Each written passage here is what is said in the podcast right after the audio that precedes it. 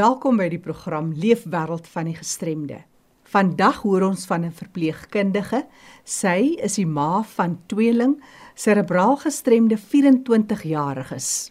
Sy vertel van die tekort aan geleenthede vir jong mense met liggaamlike gestremthede in Suid-Afrika en hoe dit uiteindelik die gesin raak. As ma vertel sy ook van die uitdagings na die geboorte van haar tweeling en die ontwikkeling van haar kinders se identiteit en gesonde selfbeeld. Later meer oor 'n simposium oor outisme.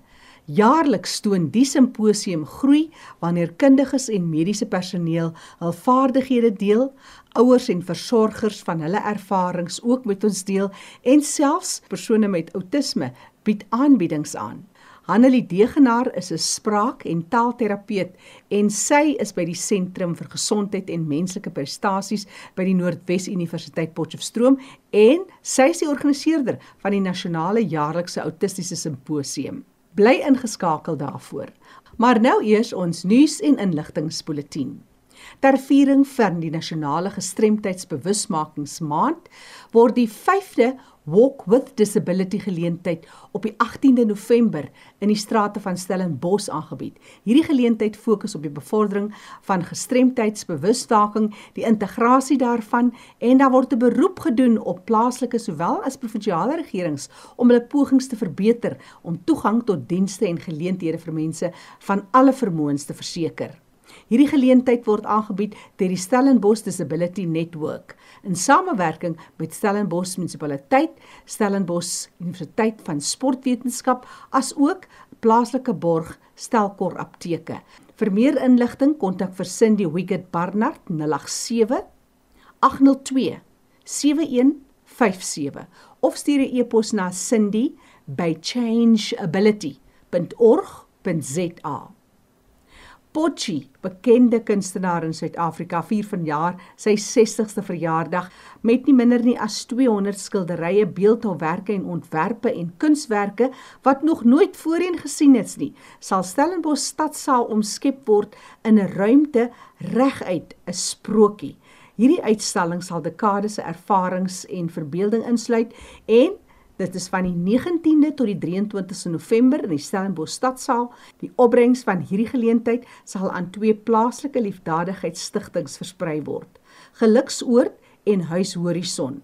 Huis Horison sal ook op die 19de hul produkte uitstal en pannekoek verkoop. Kaartjies is beskikbaar op Quicket. Jy kan ook met my kontak maak vir enige navrae. Jackie by rsg.co.za.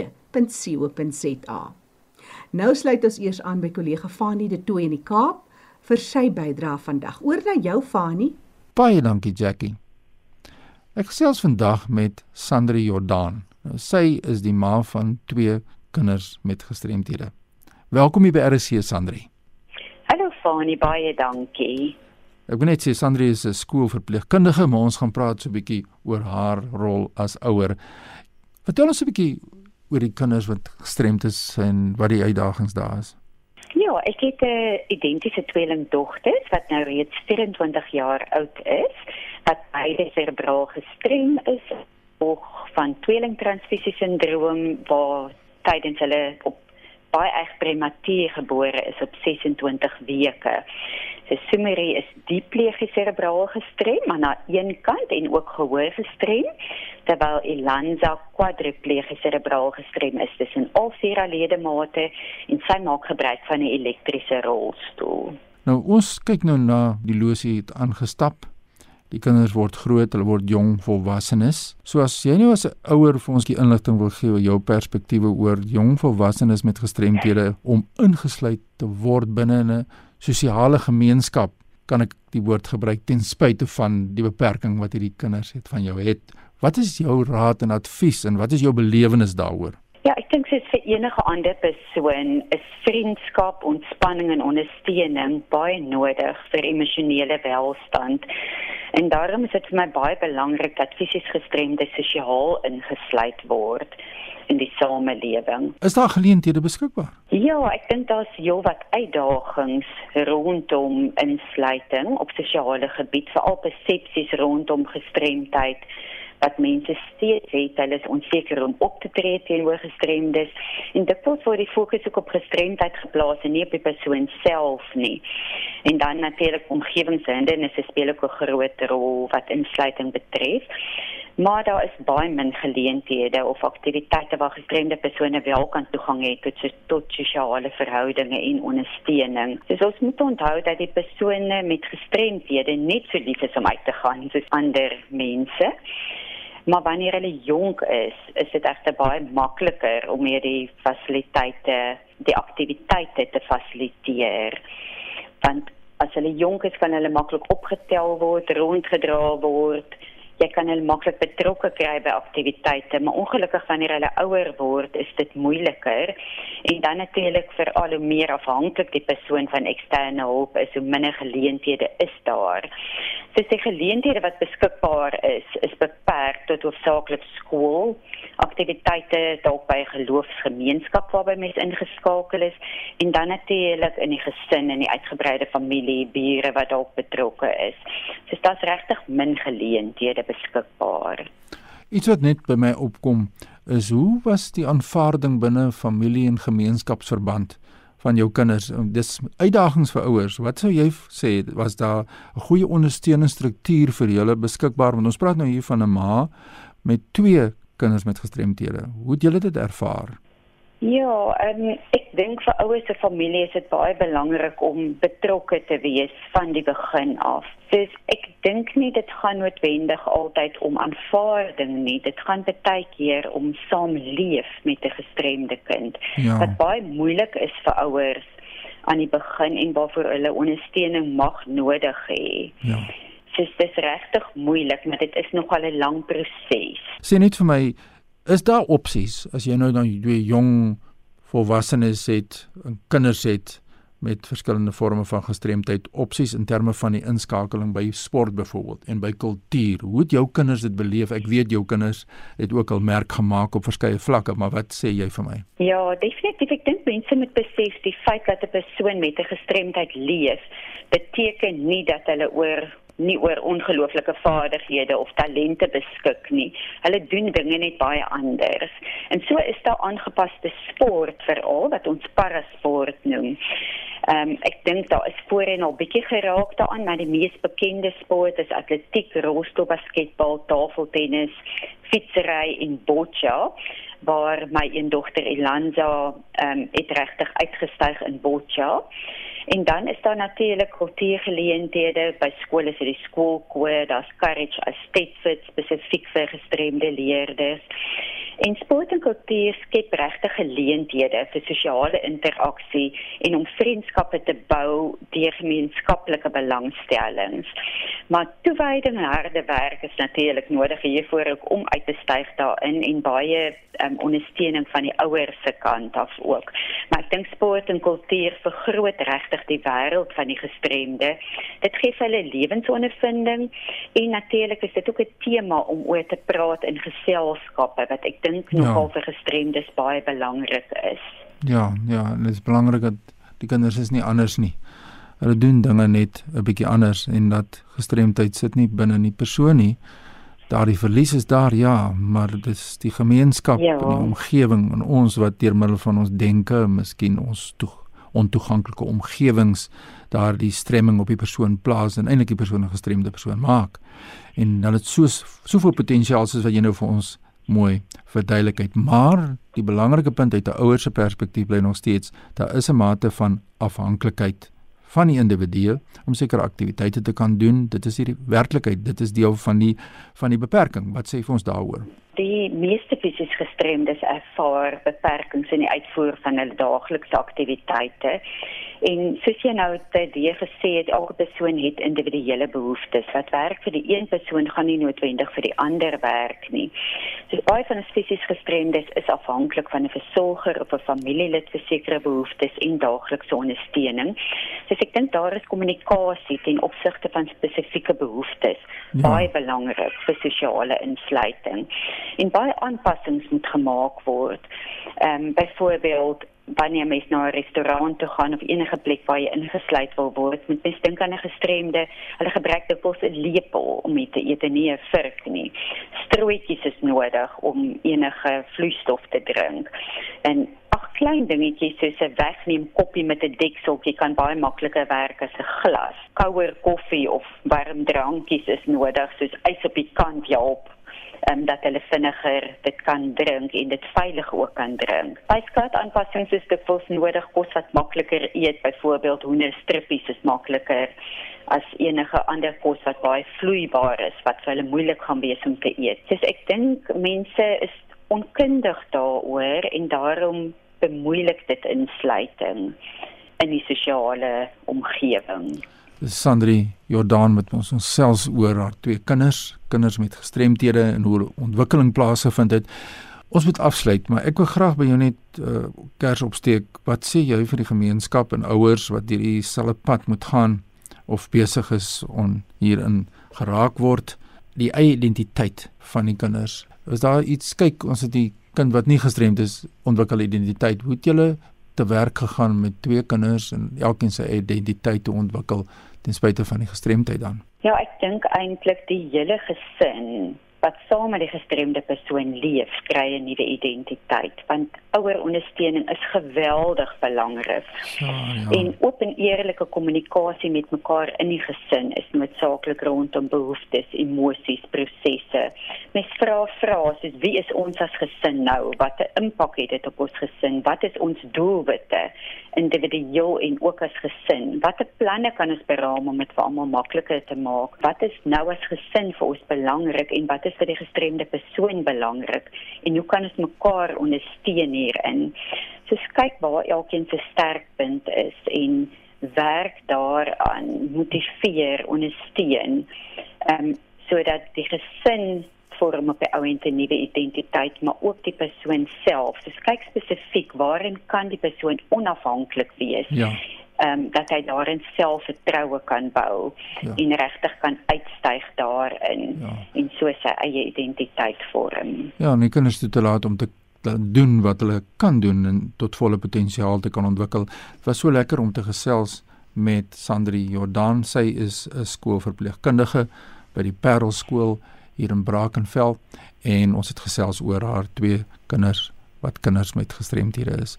As mense as ouers jou wil skakel in kers opsteek oor hierdie baie belangrike uitdaging van ouerskap en kinders met gestremthede, waar kry hulle van Johannes Sandri? Ag, hulle is baie welkom om my by die skool te skakel, by Parel skool waar ek ook betrokke is. Ehm um, telefoonnommer is 021 981 5555 en dan kan ek 'n afspraak reël met hulle of net lekker gesels. Ja, nou, en hoe vir ons daai kontak besonderhede? 021 en dit is Parel skool waar jy net kan vra vir Sandri Jordan. Ja, dit is baie lekker om jou te kon gesels Sandri en asseblief kom na vore as ons inligting deel dan maak dit ons sterker. Baie sterkte met jou werksamehede by die skool as 'n skoolverpleegkundige. Baie dankie waardeer. Ja, dit is so lekker om te gesels Jackie en ouers ouerskap en kinders ja ons hoor ons kinders is nie anders nie hulle doen net dinge so bietjie anders. My epos is fani.dt by mweb.co.za groetens uit Kaapstad. Baie dankie Fani. Ek gesels nou met Hanelie Degenaar, 'n spraak- en taalterapeut by die Sentrum vir Gesondheid en Menslike Prestasie. Dis by die Noordwes Universiteit Potchefstroom en sy is die organiseerder van die nasionale jaarlikse autistiese simposium. Annelie, vertel ons eers meer oor julle doelwit met hierdie byeenkoms.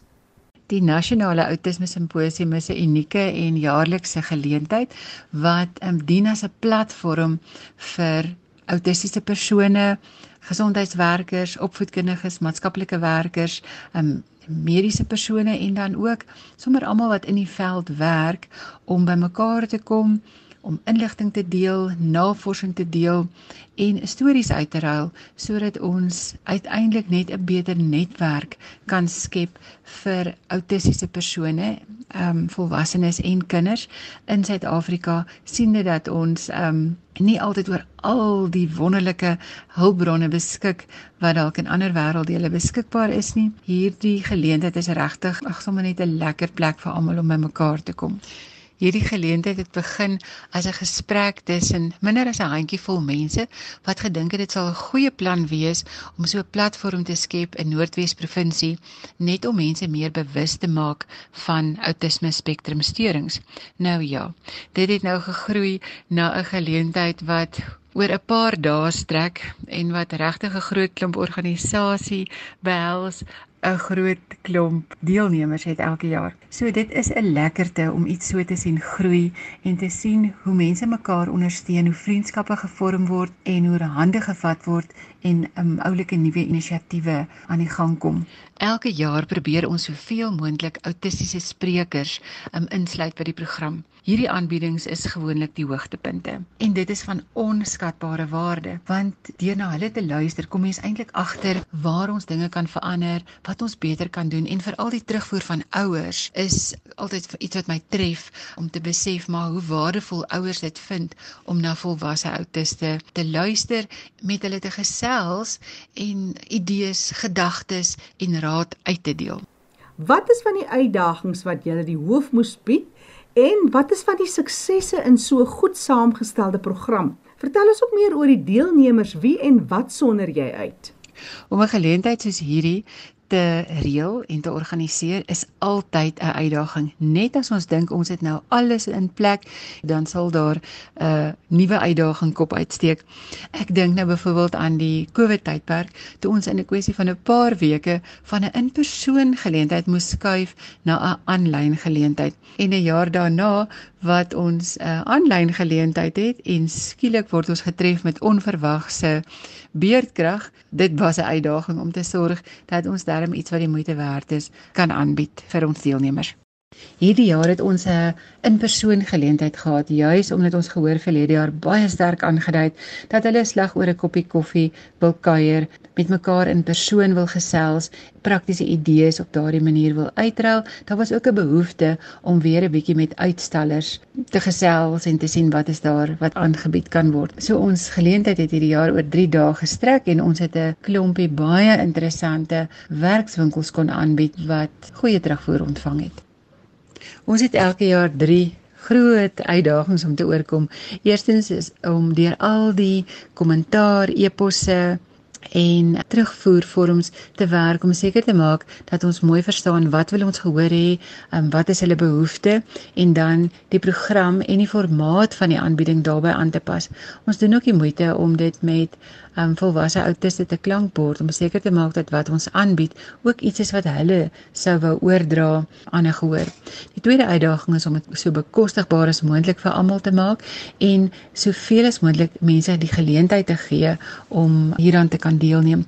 En die derde uitdaging is om kundige sprekers te kry wat ook in staat is om praktiese riglyne te gee vir ouers sodat elkeen met iets huis toe gaan wat hulle kan toepas in hulle leef- en werksomgewing.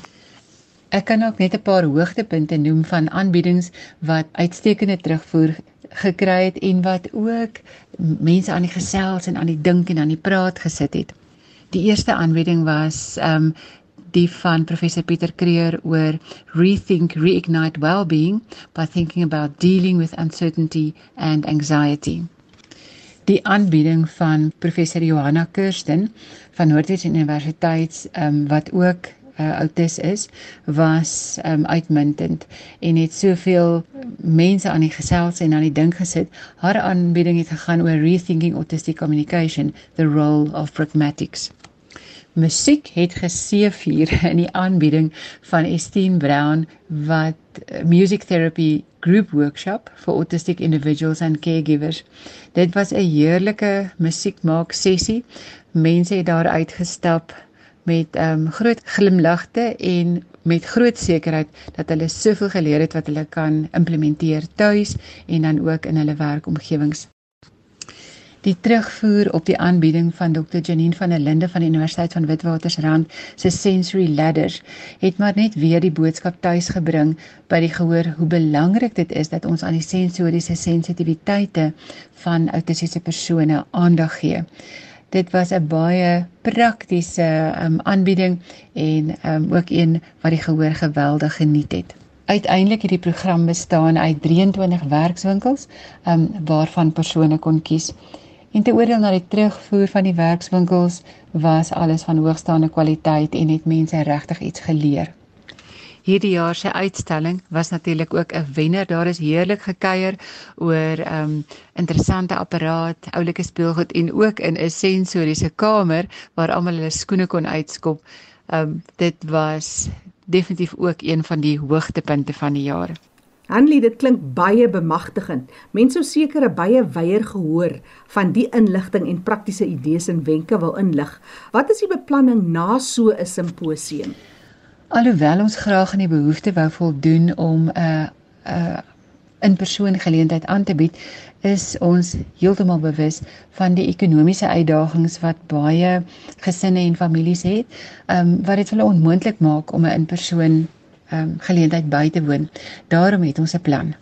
Ons is in proses om 'n aanlyn platform te voltooi waar al die opnames wat ons oor die laaste 4 jaar bymekaar gemaak het, beskikbaar sal wees vir 'n baie wyeer gehoor sodat mense dit op hulle eie tyd um kan luister, daarna kyk en ook wanneer hulle dit nodig het want soms luister jy na 'n aanbieding maar jou kind is nog klein en 'n jaar of 2 later dan dink jy o, jette, maar as ek net nou hierdie inligting gehad het van iets anders wat op die program was. Ons hoop en daar op daardie manier sal ons ehm um, die inligting en aanbiedings wat beskikbaar is vir soveel meer mense kan aanbied.